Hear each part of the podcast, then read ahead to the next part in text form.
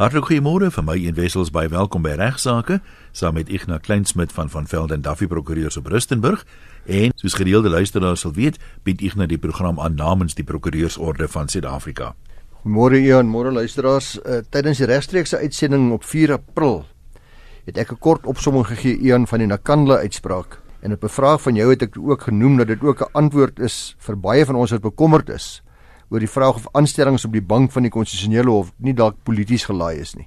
Die rede daarvoor is dat die samestelling van die regtelike dienskommissie natuurlik baie belangrik is om te bepaal of hulle na een of ander politieke kant toe geswaai kan word. Ek het genoem dat ek uh, van mening is dat hierdie eenparige uitspraak, dis nou oor die Nakandla saak, uh, van ons hoogste hof, al 11 regters wat op daardie stadium gesit het, afgesien van hulle eie politieke agtergrond of die samestelling van die regtelike dienskommissie 'n duidelike aanduiding mynsinsiens was dat die regter sodra aangestel nie regtig meer politiek speel nie.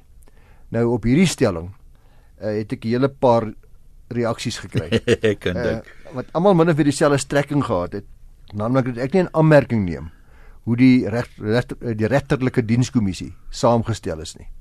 Dis korrek luisteraars dat die ANC omdat hulle die meerderheid stem het in die nasionale vergadering indirek beheer kan uitoefen oor die regtelike dienskommissie wat aspirant regters keur en dan aanbeveel om regters te word. Want op die RDK is daar 4 ANC-lede uit die Nasionale Raad van Provinsies, een ANC-lid uit die kabinet. Ek sê nou maar ANC, maar jy kan aanvaar dit sal maar ANC wees met hulle die meerderheidsparty daar. As ook 3 ANC-lede uit die nasionale vergadering, plus dan 'n verdere 4 persone wat deur die staatspresident as hoof van die uitvoerende gesag aangewys word. Nou hierdie laaste 4 persone word aangestel kragtens artikel 178 van die grondwet en voorveronderstel dat hulle eers aangestel word nadat daar oorleg gepleeg is met die leiers van oppositiepartye. Nou hoe daai oorleg nou regtig werk, weet ek nie, maar ons kan weer eens maar aanvaar dat die eh uh, staatspresident sy keuses gaan uitoefen meer in die rigting van mense wat soos hy dink. Dit beteken nog steeds dat die president se diskresie dis finaal is. In effek kan mense sê daar's 12 lede wat deur die regerende party en dan die president aangestel word wat vir hulle die meerderheid gee, verreweg die meerderheid gee in die RDK. Nou dis die regterlike dienskommissie. Die president stel terloops ook die hoofregter aan. En nadat die RDK en oppositiepartye deur hom ook geraadpleeg is, maar soos ek op 4 April gesê het, daar was baie kritiek destyds in die aanstelling van die hoofregter Mogoeng Mogoeng Uh, hy was as ek reg onthou slegs die 4de voorkeur in voorkeur volgorde wat die RDK aanbeveel het en tog is hy toe aangestel oor die hoof van die ander 3 wat wat voor hom geprioritoriseer is. Uh en die punt wat ek net weer wil beklemtoon en ek verstaan nie luisteraars se samestelling van die RDK bekommernis is dat afgesien van die bekommernis en die vrese oor die wyse waarop regters aangestel word was dit tog gerusstellend dat die mense wat op hierdie wyse deur die RDK aangestel is eenparig beslis het en gewys het dat hulle nie lakeie is van die regerende party of van die staatspresident nie. As dit so was, kon hulle heel moontlike ander uitsprake gee en dit op 'n manier probeer motiveer het. O, verseker, is baie maklik om altyd 'n goeie rede te hê hoekom mense uitspraak gee veral vir die leuke publiek. Maar in hierdie geval was dit uh, tog soos ek sê 'n aanduiding ja. dat mense afgesien van wie hulle aangestel is, wie hulle aangestel het en hoe hulle aangestel is, afgesien van die proses wat vooraf gaan, tog uiteindelik totaal objektief en onafhanklik reageer wanneer hulle in die hoogste hof van ons land sit. En dis vir ons, dis vir my baie gerusstellend geweest en daar's ook ander uitsprake wat ek al voorheen op hierdie program ja. gehanteer het wat basies dieselfde beginsel herbevestig het. Onder beroepslui vind 'n mens dikwels jy begin heel onder en jy bou vir jou 'n reputasie op met die jare en deur ondervinding en so aan. Dit voel vir my asof regters ook hulle praktiseer nou nie meer dat dit 'n geval is van jy weet iemand kies die advokaat om namens hom op te tree nie. Maar dit voel vir my tog as 'n mens nou so baie moeite gedoen het deur die jare om 'n reputasie te vestig wat goed genoeg is om as regter uh, oorweeg te word. Of jy dit nie oornag gaan wegsmy nie. Nou is tog jou kollegas en ander regslui wat gaan weet as jy nou 'n uitspraak lewer wat eh, weet ooglopend verkeerd is bloot om oor jy 'n spesifieke politieke affiliasie het. Ek dink mense neem dit tog ook in ag. Jy wil ja. darm almal in die oë kan kyk en jy wil nie jou reputasie ongedaan maak met een of ander belaglike uitspraak nie. Ja, en jy verstaan jou rol, jou absolute onafhanklikheid, jou objektiviteit uh, moet op geen manier bevraagteken word nie. En wys jy nou vir my, ek weet nie of jy dalk weet van een nie. Ek weet van niemand in my loopbaan van baie baie dekades waar 'n regter omkoopbaar was nie. Ja. Uh jy weet dit is net wonderlik om te kan sê dat ons in Suid-Afrika nie een voorbeeld van kan bewys waar 'n regter omgekoop is of waar hy korrup was nie. So die onkreukbare integriteit van hierdie mense afgesien van sy affiliasies en sy politieke geskiedenis en wat ek nogal dui daarop dat hulle in staat is uiteindelik om objektief te beoordeel wanneer hulle op 'n regbank sit. Uh, en dit geld ook uh, nie net vir regters nie, dit geld vir baie ander regsprekers. So natuurlik is daar uitsonderings veral as hoe laer mense by regbank afgaan waar daar meer waar mense uh, soms verdag kan optree. Uh, maar gelukkig is ek redelik in my eie gemoed oortuig daarvan uh dat ons regbank objektief kan optree. Natuurlik luisteraars en Ian moet 'n mens besef dat ek kan nie wegkom van wie ek is nie. Van my agtergrond, my opvoeding, my ras, my kultuur ensovoorts nie. Maar ek dink ons kan baie hard probeer om objektief en uh, gebalanseerd op te tree. Net so 'n ligter luim een van die staaltjies wat ek in die boek oor uh, humor in die regswêreld opgeneem het, speel af in Jan Smit se tyd nog. So dit is nou geruime ja, tyd ja. gelede. Ja. En uh, daar het uh, by 'n onthaal wat daar klomp hoëgeplaaste gaste en regsgeleerdes en so aan was, het 'n regter blykbaar redelik openlik te velde getrek in die swak aanstellings wat Jan Smits deesdae maak, jy weet.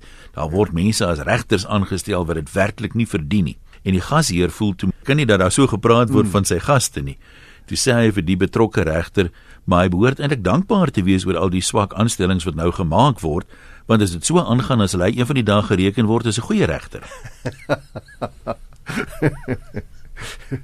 ja, nou dis 'n uh, baie mense wat baie bekommerd is oor die feit dat hulle gelys is op 'n swart lys kom uh, dat hulle krediet skuldprobleme ja skuldprobleme dat hulle swak gegradeer is ensovoorts en ek dink min van ons begryp dat daar 'n verskil tussen die posisie waar ek as 'n swak betaler geswartlys word of gelys word en wanneer ek as 'n stadige betaler geïdentifiseer word. In ander woorde, ek is of 'n ou wat eh, die kredietwaardig is nie, ek betaal nie my rekeninge nie, of ek is 'n stadige betaler. Nou ek praktiseer nie op hierdie gebied nie en uh, was nog altyd bietjie onseker, maar ek het 'n nuusbrief ontvang van kollegas te Polokwane in Limpopo, naamlik Davel de Klerk en Gatla. Hulle staan ook bekend as DDKK prokureurs. Uh, dankie vir daai nuusbrief.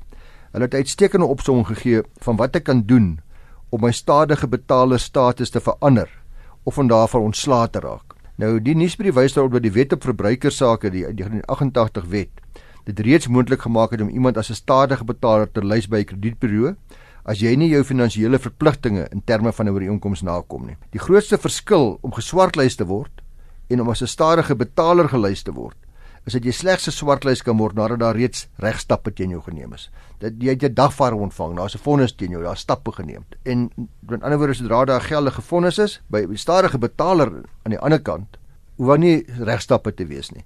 Met ander woorde ek ek kom nie my finansiële verpligtinge na nie. Ek ek uh, betaal 'n paar paemente glad nie of ek betaal 'n paar paemente baie laat. Ek's nie 'n stiplike betaler ook nie, byvoorbeeld. Nou uh, hierdie posisie is dan ook in die nasionale kredietwet weer herhaal. Dis die 2005 nuwe wet wat ons nou nog steeds van 'n nuwe wet praat. Uh wat sê dat wanneer jy dus geswartlys is en jy die skuld waarvoor jy gelys was vereffen het, dan kan jy by die kredietburo waar jy gelys was aansoek doen om jou naam van daardie swartlys te verwyder deur 'n aansoek te bring vir die terugtrekking van daardie uh swartlysting en jy kan ook jou versoek direk aan die kredietburo rig. Nou maar dis nou as jy gelys is as 'n stadige betaler. Dis nou die ou wat nou nog nie 'n vonnis teen hom het nie. Dan bepaal die nasionale kredietwet dat sodra die skuld waarvoor jy gelys is ten volle vereffen is, dan moet ek hoef nie meer 'n aansoek te doen nie dan moet die kredietverskaffer alle kredietburo's in kennis stel van daardie vereffening en dan moet die kredietburo die ongunstige lysting verwyder. Aan die ander word jou klassifikasie as 'n stadige moet jy aansoek doen of is dit 'n gedeel van die proses as jy as hulle vir jou sê maar 'n paid up letter of wat noem hulle dit? Ja, ja. Moet hulle dit outomaties doen of moet jy hulle versoek of of nee, aanmaan om dit te doen? Die kredietverskaffer het 'n plig. Aan die ander word die bank of die ja, die, winkel. die, die winkel. Hulle het 'n plig om binne 7 dae nadat hulle nou hiervan bewus geraak het vir die mense te sê, "Ey, Ignas nou klaar betaal. Ek het hom gelys as 'n stadige betaler want hy het 'n klomp paaiemente gemis, maar hy het die rekening nou vereffen, so haal hom af." En dan sê die wet binne 7 dae na ontvangs van hierdie inligting van die kredietverskaffer, dan moet my lysting verwyder word, hy ongunstige lysting. Nou as hierdie verskaffer op jou vraag te antwoord nou nie hierdie inligting uh, van vereffening indien nie, dan kan jy 'n klag by die verskaffer lê, by die kredietreguleerder, nasionale kredietreguleerder. So, hulle gaan nie na jou luister nie. Jy moet die die krediteur verplig om sy statutêre plig soos die wet uitgespel na te kom. En as hy dit dan nog nie doen nie, dan gaan jy na die nasionale kredietreguleerder toe. Nou om as 'n stadige betaler gelys te word is nogal redelik ernstig. Dit maak dit baie moeilik om byvoorbeeld 'n lening of finansiering te bekom. Want jy nog nie fondse dien nie. Maar die bank raak 'n bietjie moeg vir jou gesukkel om jou rekening te betaal. Ek nou ek wil nou juist gevra het. Ek meen dit mag seker nou, het die banke of die winkel, die kredietverskaffer enige diskresie. Sê nou maar jou paaiement is R1000 'n maand, maar jy sê nou vir hulle jy het hierdie maand net 700, jy sal volgende maand 1300 betaal. Ja. Is dit wesentlik genoeg of moet mense hele paaiement agterwees? Is daar 'n riglyn? Daar's die riglyn is doodnoodig as jy nie 'n stiplike betaler is nie. Ja. So mense moet stiptelik betaal sodra jy laat betaal dan is die kredietverskaffer geregtig om jou as 'n stadige betaler te lys. Maar in praktyk sal dit nie gebeur na een of twee paemente of na jy gereëlings tref het nie. Jy weet as jy ordentlik met die met jou kredietverskaffer is, dan gaan hulle jou nie sommer net goed smoets. Ja. Maar as jy nou regtig aspris raak en jy kom jou beloftes na nie en dis die groot probleem of jy raak net stil of jy raak net weg. Wat dikwels maar gebeur mense dink die probleem gaan weggaan. Volstrydspolitiek help nie met betaling van rekeninge nie. Dit maak 'n kredietverskaffer sekerlik onrustig en bekommerd en daarom sal mense dan na sukkel om by ander mense reg te kom want hulle weet kredietverskaffers het dit eers gedoen nadat hulle 'n bietjie paadjie met jou geloop het. Dis nie bedoel om jou te benadeel nie, glo ek nie. Ek ek hou daarvan want is eerder om jou te beveilig ook teen roekelose leenpraktyke en te verhoed dat jy te diep in die skuld raak. Anderswoorde jy is nou klaar 'n stadige betaler, nou probeer jy weer nog 'n nuwe meubelstuk aankoop en nog 'n nuwe kar en nog 'n nuwe dit en nog 'n nuwe dat. En dan gaan die rooi ligte aan omdat jy as 'n stadige betaler reeds dit dit dui aan vir 'n nuwe kredietverskaffer dat jy alreeds bietjie sukkel om by al jou verpligtinge uit te kom sodat beskerm jou teen jouself om die geldigheid van 'n lening te bevraagteken want dis 'n ander probleem. Nou voel ek ek het stiptelik betaal. Nou skielik kom ek agter my ek is gelys as 'n stadige betaler. Ek is ontevrede met die feit dat ek gelys is uh want ek dink dit is onbillik. Dan moet ek die kredietburo kontak en beswaar maak of 'n klag lê. Die buro dan 20 dae tyd, werksdae om op hierdie kwessie te reageer en dit op te los om seker te maak of ek of hulle nie dalk 'n fout gemaak het nie. En sodra die klag ontvang is, sal die relevante party wat jou gelys het, die, die krediteur, sal dan nou gekontak word, so die bank of wie ook nogal, hulle dan bewyse gee vir die buro dat jy inderdaad wanbetaler is of dat jy 'n stadige betaler is en dat dit uh, geregverdig is met ander woorde jou lysting. In praktyk word die meeste klagtes by hierdie punt alreeds geskraap. Aan ander woorde, dit uh, aangesien die lystings gewoonlik is op grond van goeie dokumentêre bewyse. Die hier is die rekening, hier is jou hier is die state, jy daai paaiement gelos, jy daai keer 2 weke laat betaal ensovoorts. En so die proses werk redelik goed wat dit betref. As die bureau nie in staat is om die kwessie op te los nie, kan jy die saak verwys dan weer na die kredietombudsman wat dan 'n ondersoek sal uh, gelas instel en 'n uitspraak gee op grond van die inligting wat tot sy beskikking gestel word of haar beskikking gestel word. Sou die ombudsman dan die kwessie nie kon oplos nie, dan kan die nasionale kredietreguleerder versoek word om in te tree en DDKK prokureurs sê dat die hartseer waarheid is. En ek stem met hulle saam dat hierdie proses taamlik uitgerek kan raak en dikwels uitloop op geen verandering van jou status nie. Dis nou op die lysting wat aan die rekord bly totdat jou skuld vereffen is nie. Die boodskap wat hulle oordra is dat sou jy sien dat jy nie jou betalingsverpligting kan nakom nie, is dit 100 keer beter om jou kredietgewer, die bank, die winkel, wie ook nogal betyds te kontak en byvoorbeeld 'n laer premie te reël wat jy kan bekostig om so te vermy dat jy 'n stadige betaler gelys geword. So wat die punt wat hulle maak is, ja, daar's 'n manier om om jou te ontlys.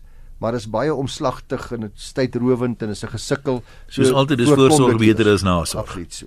Een baie van ons was luister was al op 'n lughawe behoorlik bespreek vir 'n vliegtyg en neem daartoe kom en oor die vliegtyg is sogenaamd oorbespreek.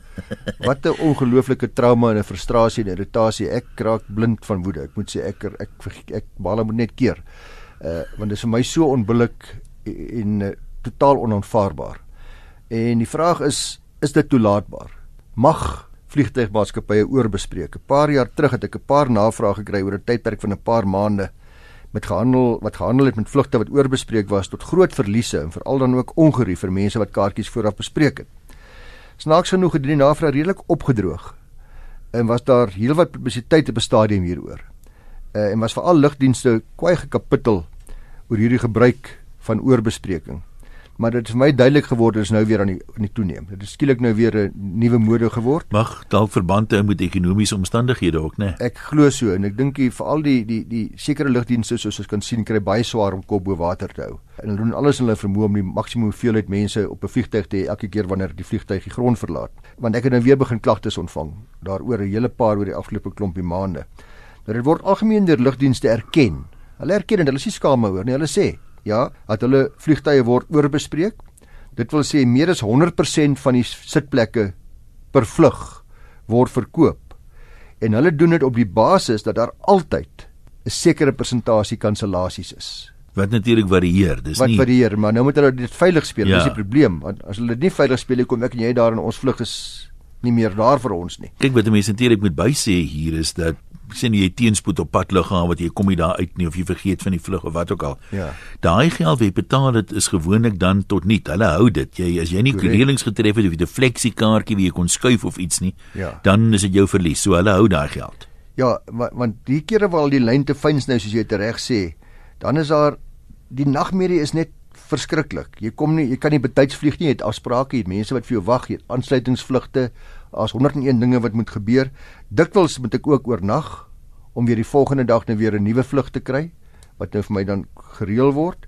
Ek praat nie eers van die gevolgskade wat dikwels kan ontstaan omdat mense belangrike afsprake of belangrike teikens nie kan nakom nie, datums nie kon nakom nie, kontrakte nie geteken kan word nie. Aansoek vir 'n werk dat ek laat is vir die aansoek wat ek gegaan het vir my nuwe werk en die mense verstaan nie of hulle glo my nie as ek sê is amper soos mense wat se my kar het gebreek. Ek het al gehoor van kunstenaars, sangers en so aan wat by 'n funksie byvoorbeeld moet optree en dan kom hulle dit nou oor. Nou is dit 'n groot storie want ek meen jy is die aantrekkingskrag. Mense het kaartjies verkoop in die Kaap want Ignas gaan daar kom konsertino speel en nou ja. kan jy nie daar wees nie. Ja, presies. By die prokureursorde waar ek voorsitter is van 'n van 'n dissiplinêre komitee is dit elke nou en dan kar het gebreek. Nou daai mense dink die saak dit sal weggaan. Nou ek glo dit lankal nie meer nie. Maar natuurlik is daar gevalle waar dit werklik waar is. Dit is altyd moeilik. Terloops, hierdie oorbespreking is ook iets wat gebeur by hotelle. Ek weet nie of mense dit al agtergekom het nie. Uh, veral seker op uh, groter hotelgroepe, veral bekend by hotelle naby lughawens Ja. uh want hulle dit dit natuurlik ook baie verontrywend vir die uh vir die kliënte want dit gaan ook oor vertraagde vlugte. Ander woorde hierdie vlug wat nou aankom, moet ek nou die hele vlug vra nou vir 'n hotel want hulle hulle kom laat. Al hulle ander hotelbesprekings is nie meer geldig nie, wat ook nog dit mag wees nie. Uh groot hoeveelheid gaste moet met een slag geakkommodeer word. Nou hmm. doen hulle ook 'n oorbespreking. Maar belangrik vir my is dat ons luisteraars moet verstaan wat hulle regte is. Die wet op verbruikersbeskerming handel nie spesifiek met lugdienste of hotelle nie, maar met diensverskaffers in die algemeen. En as ons hierdie wet mooi verstaan, dan het ons eintlik baie meer regte as wat ons dink. Dis duidelik in die wet dat as die hotelle vir lugdiens 'n bespreking aanvaar en dan versuim om die dienste te lewer op die op die regte tyd, oor ingekome tyd of plek, omdat daar 'n tekort aan voorraad of, of kapasiteit is, is die woorde wat die wet gebruik, maar dit is maar dieselfde Ja. gebrek aan kamers of sitplekke op 'n vliegtyg. Dan moet die betrokke diensverskaffer die verbruiker vergoed ten volle vergoed sê die wet plus rente op alle gelde ontvang en die verbruiker moet vergoed word vir alle kostes insidenteel tot die verskaffer se kontrak breek. Die wet in Engels lees for all costs directly incidental to the supplier's breach of contract. Nou die wet sê dat die probleem opgelos kan word indien die verskaffer soortgelyke goedere, ek het nou gesê geld plus rente. Ander woorde, my vluggies dan as ek so dan vlieg ek nie meer nie, dan moet hulle my volle geld plus rente teruggee plus die ekstra rit wat ek moes vat, petrolkoste of wat ek nog al dit mag wees. Alles is identeel tot hierdie gekanselleerde vlug. Maar dit sluit nou nie gevolgskade in soos Nee, nee, nee. ek kon nou 1000 rand gemaak Nee. het as ek die kontrak geteken het. Ongelukkig nie. Maar die wet dan sê aan die alternatief en dis wat wat gewoonlik in praktyk mag gebeur. In plaas van die geld terug, want ek wil nog steeds in Londen kom of ek moet nog steeds in Parys wees of waar ek nogal. In plaas daarvan sê dit sê die wet dat die verskaffer kan ook soortgelyke goedere of dienste of beter, onthou soortgelyk, dit moet dieselfde wees of beter goedere en dienste aan die persoon aanbied. 'n Voorbeeld hiervan sal wees: as die vlug byvoorbeeld vol is, dan word aangebied dat jy op dieselfde tyd met 'n ander lugdiens kan vlieg na dieselfde bestemming en met dieselfde aankomstyd. Of byvoorbeeld daar is nie meer plek in ekonomiese klas nie. Maar jy kan in besigheidsklas gaan ja, sit. Ja, jy nou nie omgee nie, kom sit voor. Jou kaart is vol, maar ek moet sit nou maar besigheidsklas. Hulle kan jy nie ekstra daarvoor betaal nie. Hulle moet vir die beter ja. diens gratis aanbied. Ja, ek miskien aan baie voorbeelde dink. Uh, dit spreek van self dat indien daar egter aangebied word dat jy eers oor 'n paar uur kan vlieg uh, en dat jy intussen dalk moet oorslaap of op die lughawe moet wag of dat jy byvoorbeeld 'n ompad moet vlieg en eers baie later by jou bestemming aankom, dan sal jy vergoed word vir die insidentele kostes daaraan verbonde. So minstens is dit al 'n goeie begin. Ongelukkig soos ek gesê het, jy ook reg gemeld het, word gevolgskade nie hierdeur gedek nie. Maar onthou egter dat indien jy die alternatiewe aanbod van die lugdiens of hotelgroep aanvaar sonder om aan te dring op vergoeding, dan is die nuwe ooreenkoms jou bindend. En dis wat gebeur. Jy staan daar in die nag en jy staan nou daar. Nou kom hulle sê hoorie meneer, maar hier's nie. Jy's net te dankbaar dat jy daarom nou 'n brukkie later kan vlieg en die soort van dinge. Jy dink nie eers aan die feit dat jy nou in plaas van die die die huurmotor wat vir jou gewag het by 'n ander huurmotor kry nie. Dat jy moet dalk uh, ander planne maak om by jou bestemming uit te kom waar jou afspraak is nie. So moet maar nie te gou daai aanbod net aanvaar onvoorwaardelik nie. My raad is, is om duidelik te maak dat jy aanvaar die aanbod maar jy behou jou reg voor om skade te eis 'n vergoeding vir jou insidentele kostes wat jy nog sal ontdek soos wat die die nagmerrie voortduur. Nog beter advies is om lugdienste wat hulle hieraan skuldig maak in die toekoms te boikot. Ek dink as ek weet hoe kwaad ek word, glo ek almal voel maar presies dieselfde en ek sal nie maklik weer met so 'n lugdiens vlieg nie. Uh lugdienste wat hulle hieraan skuldig maak, skuldig maak is die wat hulle hand oorspeel. Die wat hierdie persentasie oorskat om niewers aan hulle self te dink en sonder om te dink aan die ongerief vir die passasier vir hulle kliënt en wat dis nie 'n veilige kansellasie persentasie beleid volg nie. Uh, dis wat my betref maar blootgierigheid.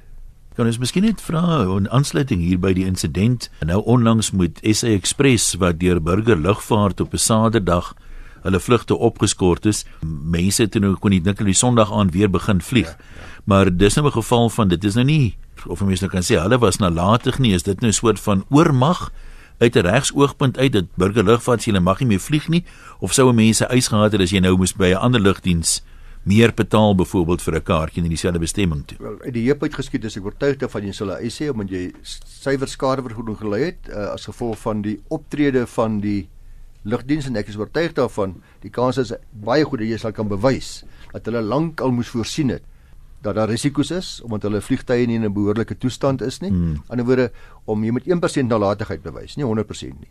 En ek dink die kans is goed dat mense dit sal kan doen in hierdie geval waar hulle dan weer in werking gestel word die volgende dag, glo ek hulle sal 'n beleid hê om die mense te vergoed wat verontrief was.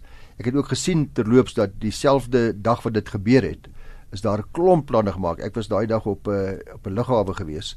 Daar was 'n klomp planne gemaak om alternatiewe vlugte aan te bied gratis met ander lugdienste wat hulle mee in kontak was uh om die verontriefing van kliënte wat van uh kliënte ja so min passasiers so min as moontlik te maak. Nou dit sê jy iets baie kort sit en ons hier 'n streepie dalk moet trek. Nee goed, ja, nou, ons kan nou maar weer volgende week lekker gesels. Kom ons uh, sê net weer die program regsaake word aangebied deur die Prokureursorde van Suid-Afrika. Ignas Kleinsmid is hulle verteenwoordiger wat die program namens hulle aanbied. En dan kan ons miskien ook net weer sê dat as mense vir ons wil voorstelle stuur onderwerpe waar hulle moet praat. Ek weet baie keer is die mense in die nood en Ignas doen nou al so lank die program. So hy het 'n huishoudelike naam geword en dan kry ek hierdie e-posse van kan ek dringend Ignas se selfoonnommer kry? Maar um, ons kan nie van hom verwag om gratis regsadvies te gee of betrokke te raak, jy weet by individuele gevalle nie. Wat ons gewoonlik doen is ons neem die feite stel en dan gee ons algemene inligting daaroor wat die luisteraars by die algemeen kan bemagtig.